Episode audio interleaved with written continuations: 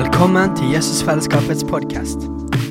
Vi håper budskapet i dag vil velsigne deg i din vandring med Gud. Og om du vil ha mer informasjon om menigheten, kan du gå inn på jesusfellesskapet.no.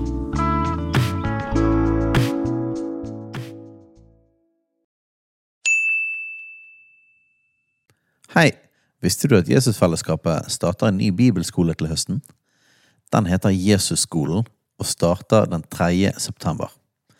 Gå inn på jesusskolen.no for mer informasjon.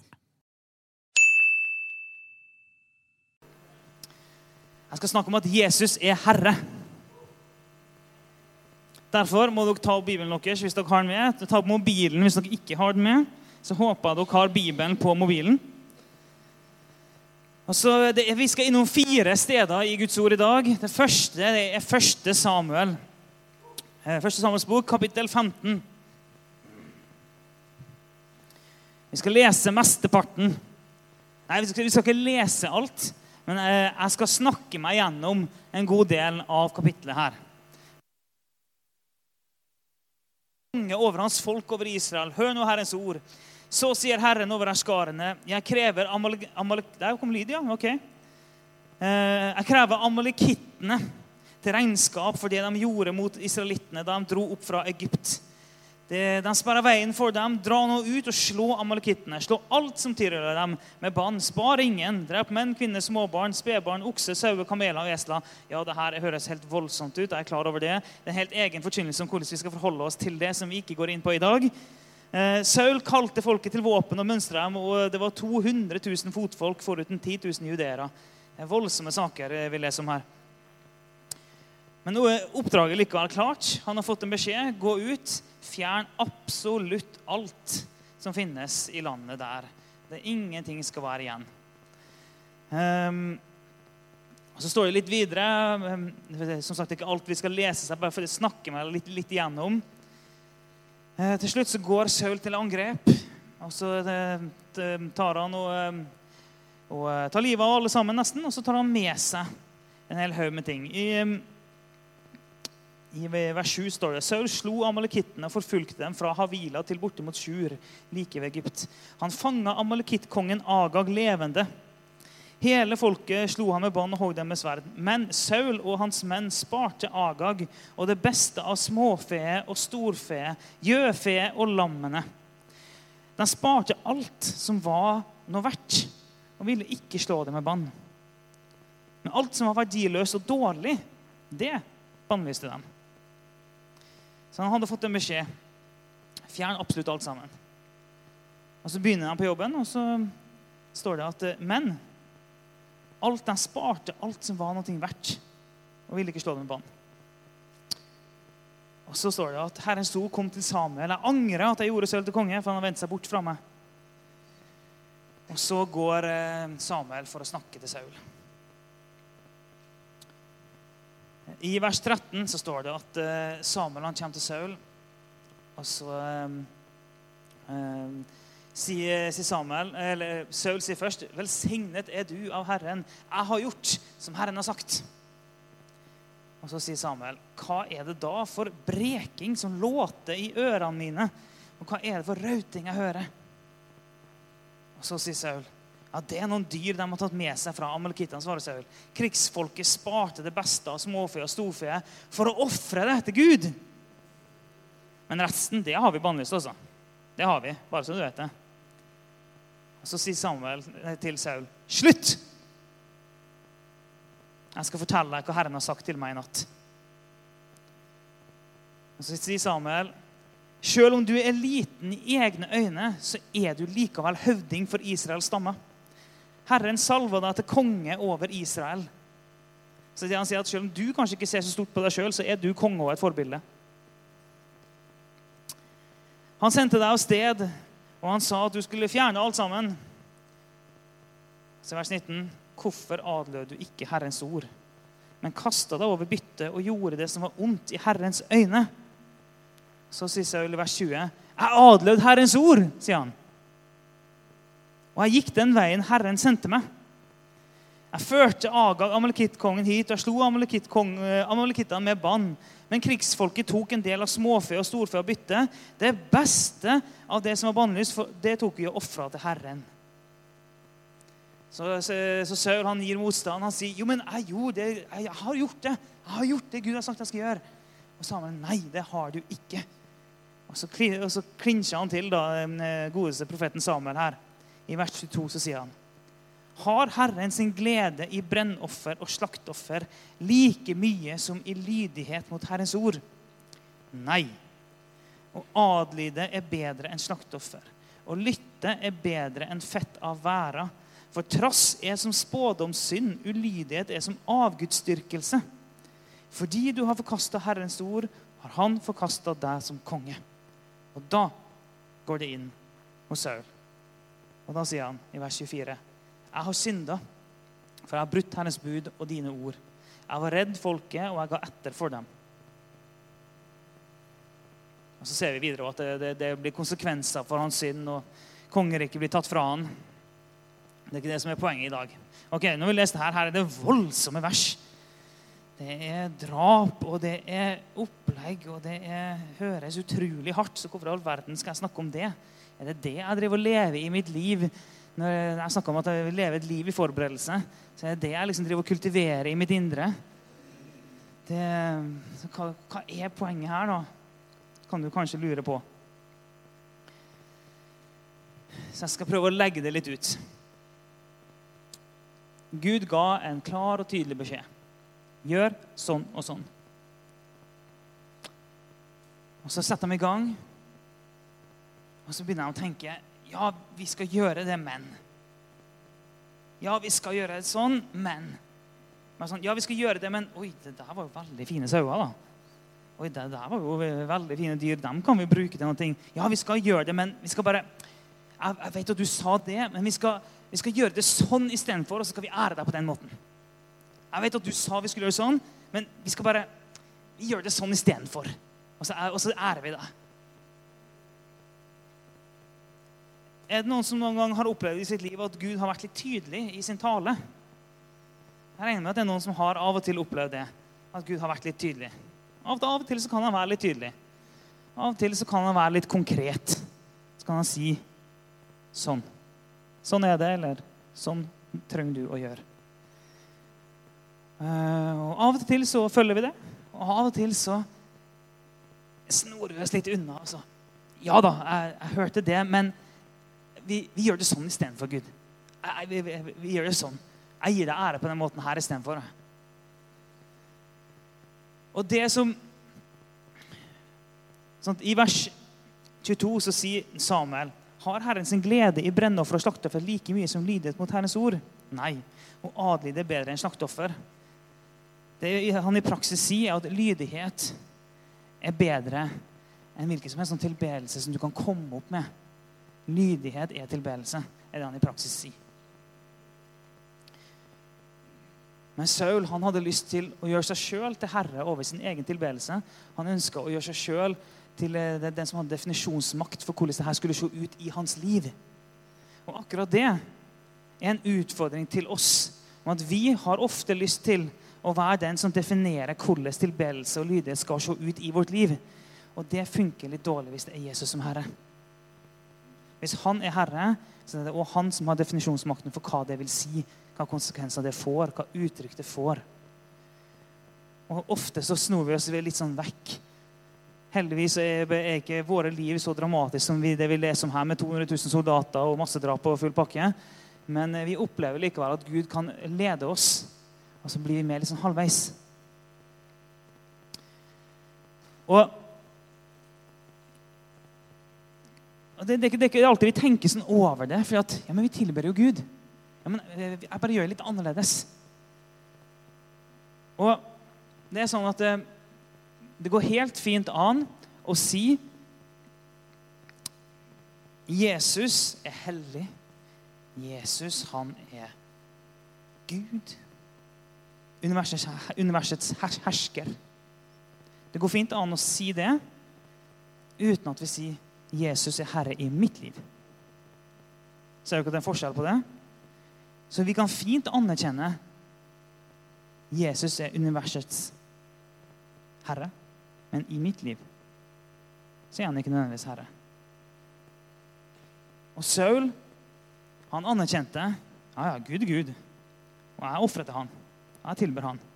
Med en sånn objektiv sannhet. Gud er Gud, det kan vi ikke forandre på. Så selvfølgelig så ofrer vi til han, vi tilber han.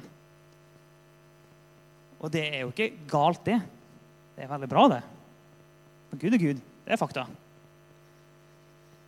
Men det er ikke alltid det automatisk betyr at han er herre i vårt liv.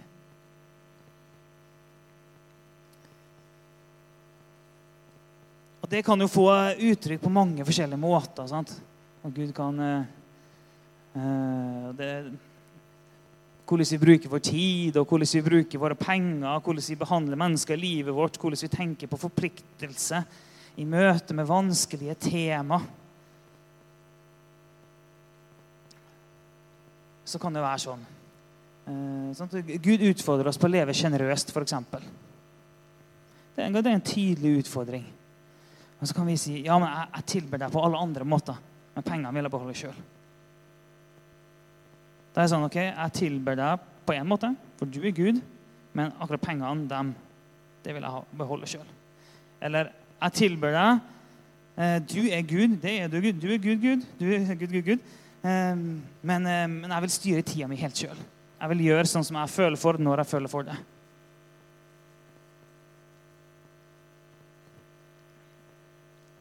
eller i møte med noen vanskelige tema. Det er mange vanskelige tema som en står oppi, og vi kan møte det i, eh, i vennekretser, på jobb og skole og familie. Og sånn som I dag så kan vi snakke om sånn Hvor mange kjønn er det egentlig? For eksempel.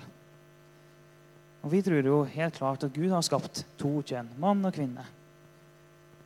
Og Hvis vi sier det, så kan vi få kjeft. Og det kan være litt vondt og litt kjipt.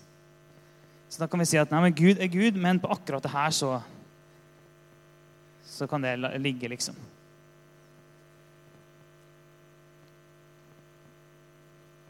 Bli med meg til Romerbrevet, kapittel 10.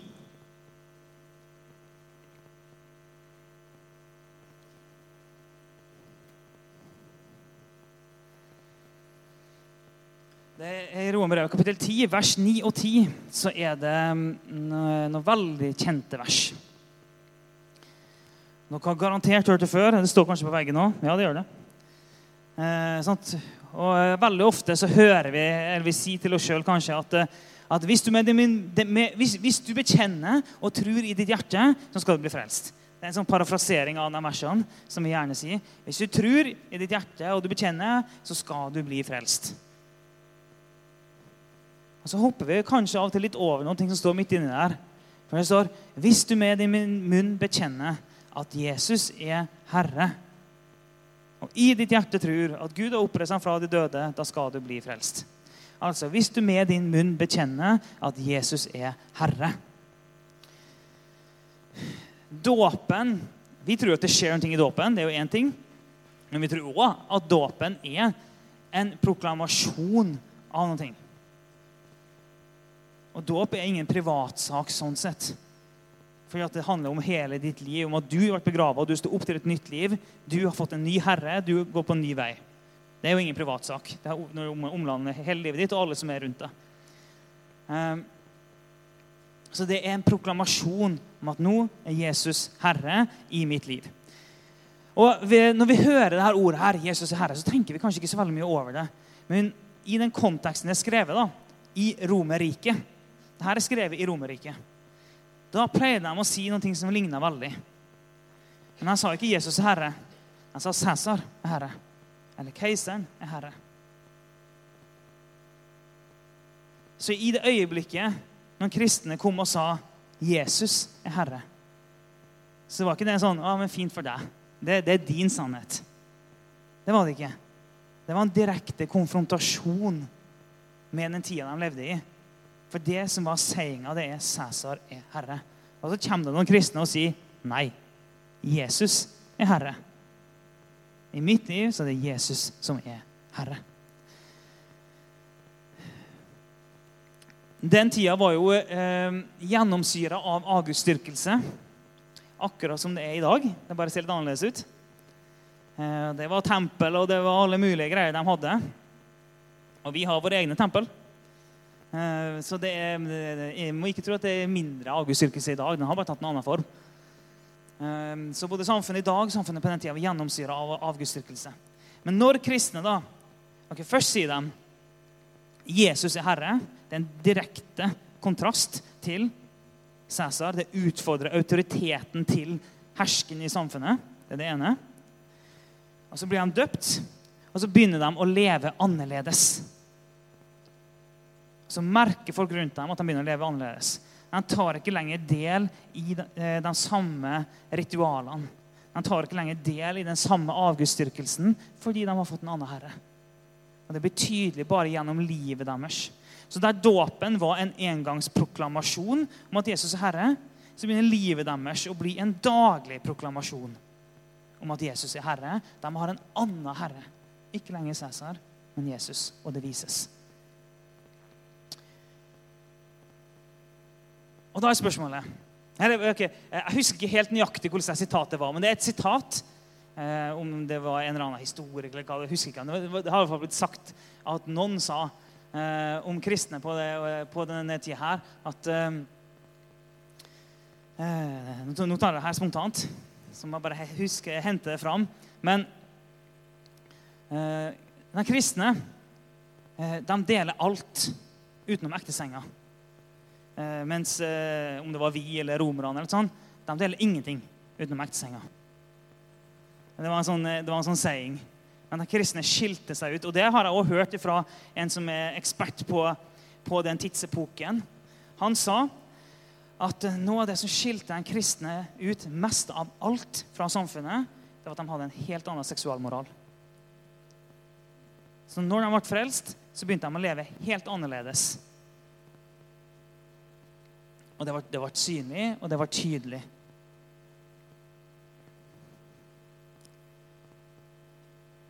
Og da er jo spørsmålet ok, eh, Det samfunnet hadde masse avgudsdyrkelse som folk tok, eh, tok, en del, som folk var med på. Og så ble de frelst.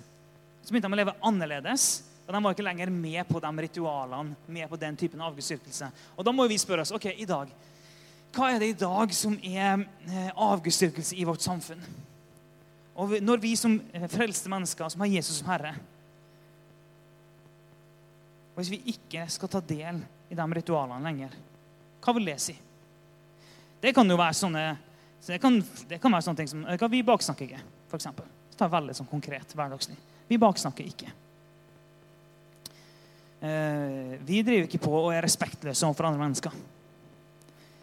Vi, eh, vi tenker ikke bare på oss sjøl, men vi tenker på dem rundt oss. Vi, eh, ja, seksualiteten er jo definitivt en sånn ting i dag òg. Ikke bare på den tida.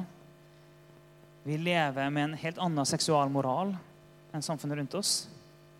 Bare, det er bare det at vi sier at nei, vi tror at uh, seksualiteten er gudgitt, gudskapt. Det er en fantastisk ting, men den er satt innenfor noen rammer. Og den rammen den heter ekteskapet. Det tror vi. Men det er jo radikalt. Sant? Hvis vi bare tør å hevde det og leve etter det, så er jo det en, en svær proklamasjon til alle rundt oss om at ok, du har tydeligvis en annen herre i ditt liv. Det, det er tydeligvis ikke du som er herre i ditt liv.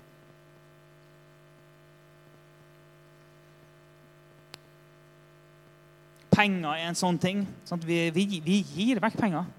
Det er mange folk i rommet her som bare gir vekk penger i hytt og pine. Det er det.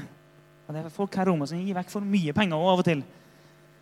Um, og så kan det være noen andre da, som ser inn på livet vårt og så Hvorfor gir du vekk så mye penger? Det er jo du som har tjent de pengene. Det er jo dine penger. Hvorfor gir du dem vekk? Og hva er vårt svar da? Det er at nei, det er faktisk ikke mine penger.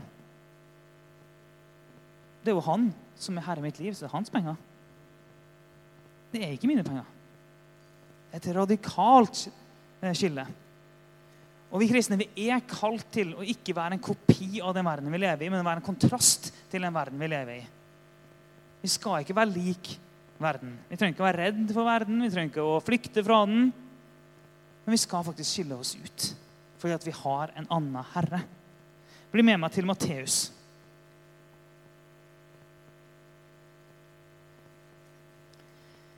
Matteus 5, vers 13-16. Veldig kjente vers. Her blir det sagt Dere er jordens salt, men hvis saltet mister sin kraft, hvordan skal det da bli gjort til salt igjen? Det duger ikke lenger til noe, men kastes ut og tråkkes ned av menneskene. Dere er verdens lys. En by som ligger på et fjell, kan ikke skjules. Heller ikke tenner man en oljelampe og setter den under et kar. Nei, man setter den på en holder, så den lyser for alle i huset. Slik skal deres lys skinne for menneskene, så de kan se de gode gjerningene dere gjør, og prise deres far i himmelen. Ok. Så Grovt sett kan vi si at, eh, at her snakkes det om, eh, om salt og om lys. Vi skal prøve å bryte det ned. Salt og lys.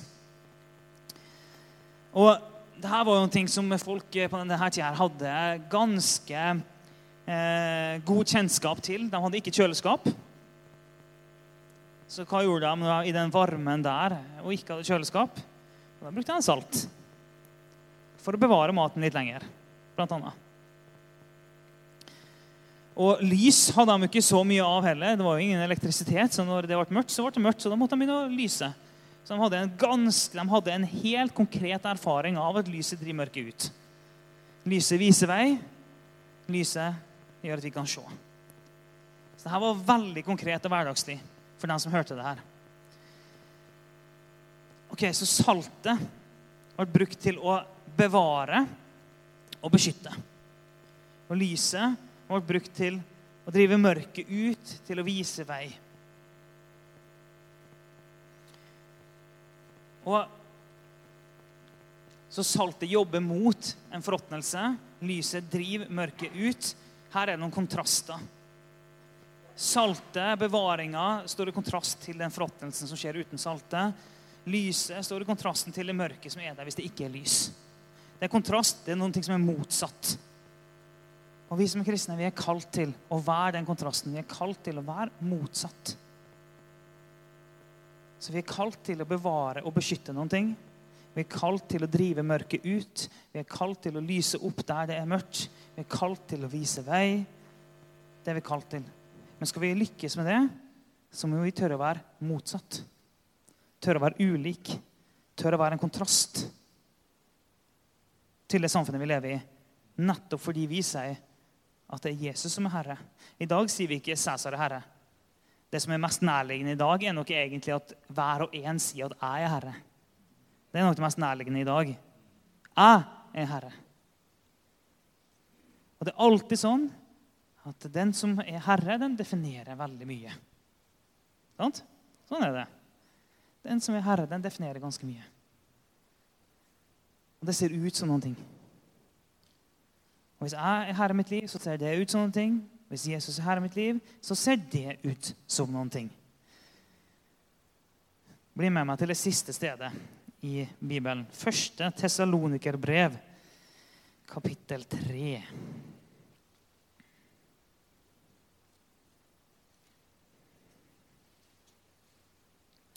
Vers 1-5 skal vi lese.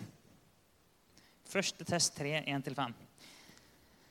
Der står det da vi ikke lenger holdt, ut, holdt, dette ut, bestemte vi oss for å bli alene igjen i Aten og sendte Timoteus til dere, vår bror og Guds medarbeider i tjenesten for Kristi evangelium. Han skulle styrke dere i troen og oppmuntre dere, så ingen skulle vakle under denne motgangen. For dere vet jo selv at dette er lagt på oss, og fordi jeg ikke holdt ut og ventet lenger, sendte jeg ham til dere. Jeg måtte få vite hvordan det sto til med troen deres, om fristeren hadde klart å friste dere slik at vårt arbeid hadde vært forgjeves. Her snakker han om troen to ganger. I, eh, I, vers 2 så sier han han skulle styrke dere i troen og oppmuntre dere. står det. Og i vers 5 så står det jeg måtte få vite hvordan det sto til med troen deres. Ok, tro. Ofte så har vi definert tro som tro er lik tillit. Jeg sa at Det er en veldig enkel måte å definere tro på. Og det er ikke noe galt med det. Det, det er veldig innafor å si det. At eh, tro handler om tillit. Um, men eh, en, en, god engelskmann han har lært meg at det handler om mer. Og Jeg skulle ønske at jeg kunne si at jeg kjente han, det gjør jeg ikke. Men jeg har eh, lest noen bøker av han. N.T. Wright, en veldig kjent teolog, det var han som gjorde meg oppmerksom på det her. Hvis, hvis du har lyst til å dykke litt inn i teologi, men du syns det er litt vanskelig, gå til N.T. Wright. Han er god på å gjøre det mer tilgjengelig. Så det er et sånt tips. Det var han som viste meg og, og pekte på at i denne versene her, når det står om tro, så handler det om eh, ordet som er brukt, handler om mer enn bare tillit. Det handler om tillit òg. Ordet betyr, det, det kan, kan, bety tillit, men det kan òg bety en tro på historiske hendelser og på dogma. Altså en tro litt mer på sånn fakta. Da, en tro på dogma og historiske hendelser. Det kan det bety. Det kan bety tillit. Det kan òg bety trofasthet. Og det kan bety lojalitet. Alle de tingene her ligger inni det ordet tro. At det er en tro på lære, en tro på fakta sånn sett. Det er en tro på tillit. Det er en trofasthet, og det er en lojalitet. Og det er vanskelig å eh, ha en tro på at noen ting er rett. Ha en tillit. Vær trofast. Vær lojal uten at det får noen uttrykk i livet. Det er litt unge her nå, men det er bare fordi de skal ta på seg noen klær. Så skal de ut på lekeplassen. Så de er straks ute igjen. Jeg skal si det her igjen. En tro på at det finnes en rett lære. Tillit, trofasthet, lojalitet. Det er ganske vanskelig å ha alt det uten at det får konkrete uttrykk i livet. Så Paulus da, han skriver og så bare sånn eh, Han skulle styrke dere Jeg sendte Timoteus til dere. Han skulle styrke dere i troen. Så altså, Han skulle styrke dere i troen på rett lære. Han skulle styrke deres tillit, han skulle styrke deres trofasthet, han skulle styrke deres lojalitet. Fordi jeg måtte vite hvordan det sto til. Jeg måtte vite, Tror dere fortsatt på læren? Har dere fortsatt tillit til Gud? Er dere fortsatt trofast? Er dere lojal? Er dere overgitt? Følger dere faktisk Jesus med deres liv? Jeg måtte få vite om dere fortsatt følger han med hele deres liv. Om deres liv fortsatt er en proklamasjon om at Jesus er Herre. Og at det ikke bare var den ene gangen når du var døpt, at du sa det da, men at du sier det fortsatt. Jeg måtte vite. Sier du det fortsatt med ditt liv at Jesus er Herre, og at du har en tro? Det er det han egentlig spør om her. Jeg måtte vite han måtte vite om fristeren hadde klart å friste, og sånn at arbeidet vårt hadde vært forgjeves.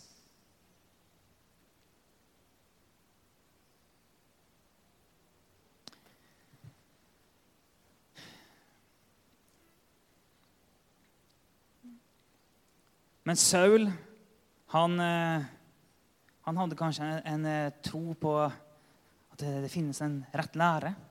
Det finnes noe objektivt her. Det finnes en Gud som fortjener ære. Alt det hadde Saul. Han hadde ikke så veldig mye tillit. Han hadde ikke så veldig mye trofasthet. Han hadde heller ikke så veldig mye lojalitet. Og det fikk dermed noen uttrykk i livet der han begynte å vike av fra det Gud hadde sagt. Og så vet vi alle sammen at det, alt, det, det, er veldig sjelden at vi bare vi, vi, vi våkner morgenen morgen og så tenker vi nå skal jeg snu helt om på livet mitt og gjøre alt helt annerledes enn jeg hadde tenkt. Eh, det er veldig sjelden det skjer. Det begynner alltid med sånne små avvik. Det begynner alltid med at ja, men, ok, kanskje Jesus ikke er herre akkurat i dag. da. Kanskje Jesus ikke er herre på akkurat dette området i livet mitt.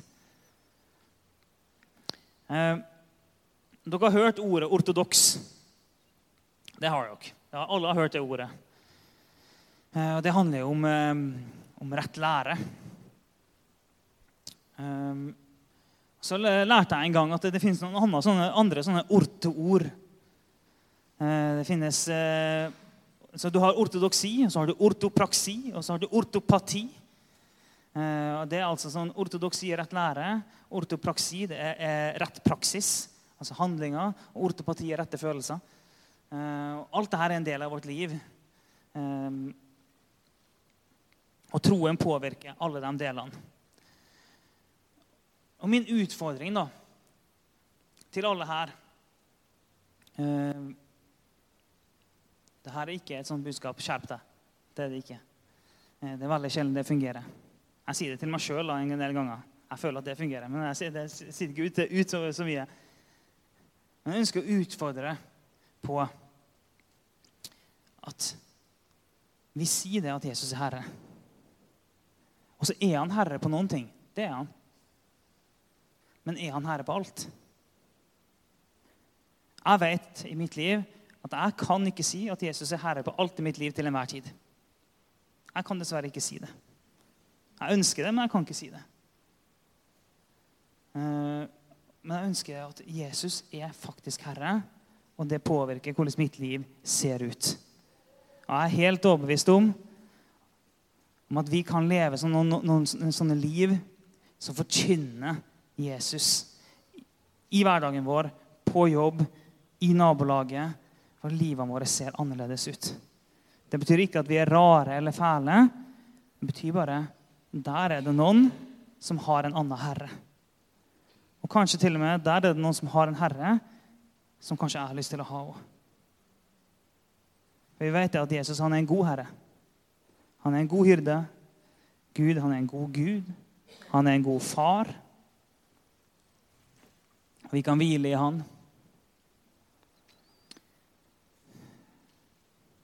Så jeg håper du tar den utfordringa.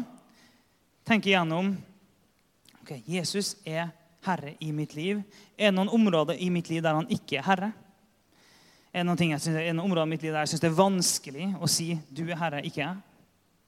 Det noen områder i mitt liv der jeg Jeg har døpt meg, men eh, det, det var ikke alt som døde, for det føles ut som av og til. Har du noen sånne områder i livet? Jeg vil du skal tenke igjennom det. Så det var jo veldig oppmuntrende, sant? Så da vet du hva jeg driver og tenker på eh, i mitt liv når jeg går rundt. Og eh, ungene hjemme er, Ungene mine er ikke i dag, for de er syke. Så kanskje det er derfor jeg går rundt og tenker på hvem er det som egentlig er herre i livet mitt. Eh, jeg må bare dø fra meg sjøl. Eh, kan- kanskje er det derfor. Ja, men kan vi ta og reise oss?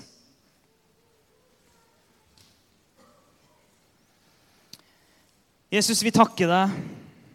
Takker jeg for at du er god. Du er herre. Du er en god herre. Og vi tilber deg, vi takker deg, vi elsker deg. Jeg ber Jesus om at du skal tale til oss akkurat nå. Jeg ber at du skal peke på områder av livet vårt eh, som vi holder fast på.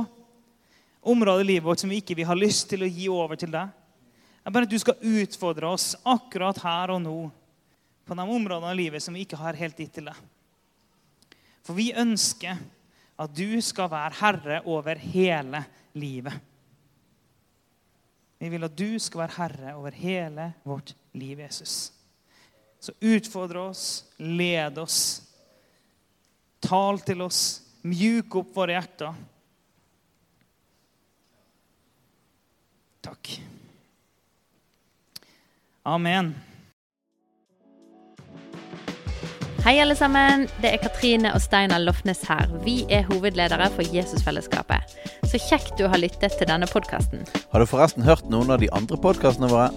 Ukens tale, Disippelskolen, Hyrdepodden, Kulturkrigen og Mammas hjerte. Du finner disse podkastene på Spotify, Apple Podkaster og på nettsiden vår jesusfellesskapet.no.